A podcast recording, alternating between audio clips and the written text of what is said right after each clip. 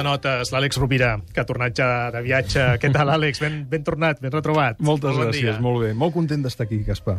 Ara l'Àlex, que començarà vacances aviat. Bé, les, manera. a, a, a mitges, aquest agost um, tinc feina a, a Mèxic, també estaré a Xile, però sí que m'agafaré dues setmanetes o tres per estar amb la família recollit. L'Àlex Rovira, si alguna cosa no és, és invisible. Eh? Bé, avui ens, eh, ens vols parlar precisament d'anar més enllà de la invisibilitat, de la Correcte. visibilitat. Correcte. Avui podríem introduir en el bloc de notes un concepte molt interessant que és la mirada apreciativa. Hem parlat en alguns altres programes de, de l'efecte Pigmalió, d'aquesta teoria de la psicologia social, que el que ens diu és que la nostra mirada cap a l'altre tendeix a provocar el signe de la mirada en el que el mirem. És a dir, si tu et mires al teu fill amb una mirada apreciativa, positiva, tendiràs a convocar allò que és bo. Si tu mires al teu fill o a un altre, o un amic, amb qui tens un vincle afectiu despreciativament, tendiràs a que s'acompleixi la, la profecia, no? Per què és important la mirada apreciativa? Perquè sovint un té la sensació, i més en moments eh, complicats com els que hem viscut els darrers anys eh, en lo econòmic i en lo social, que la mirada eh, depressiva... No hi ha la mirada crítica, que és fonamental, sinó la mirada abatuda, crítica, eh, la mirada cada vegada te n'adones que té la gent que practica sistemàticament la crítica destructiva a l'altre, acaba contaminant molt l'entorn i acaba enfonsant més en la misèria moral i en la misèria de l'autoestima a la persona que és objecte d'aquesta mirada.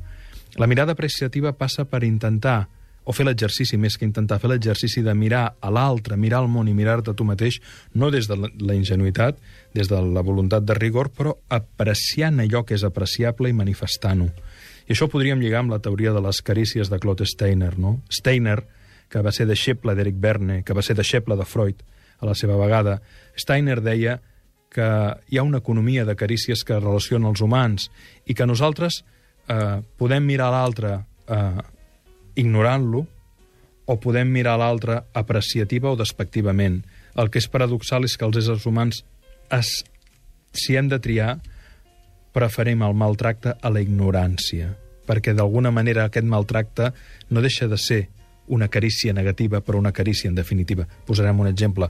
L'adolescent que es revela moltes vegades ho fa no amb un objecte, sinó perquè està reclamant l'atenció, la mirada i el tacte del pare o de la mare.